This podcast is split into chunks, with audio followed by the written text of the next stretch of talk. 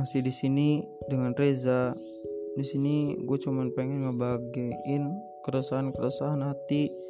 Semoga bisa jadi berat untuk teman-teman. Jika kamu sedang mengalami bisa dengan seseorang, lalu menyesal, dan setelah itu kamu tidak pernah bisa berhenti untuk mencari tahu tentangnya. Coba dengar nasihatku sejenak.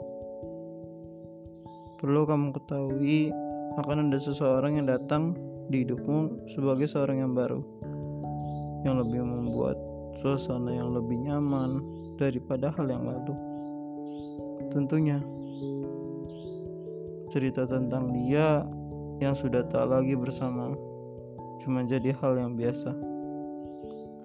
Kamu pasti lupa tentangnya. Karena waktu akan membiasakanmu untuk tetap melaju walau kamu tak mau. Kamu hanya perlu mengarungi waktu yang sedikit lebih menjengkelkan dari biasanya.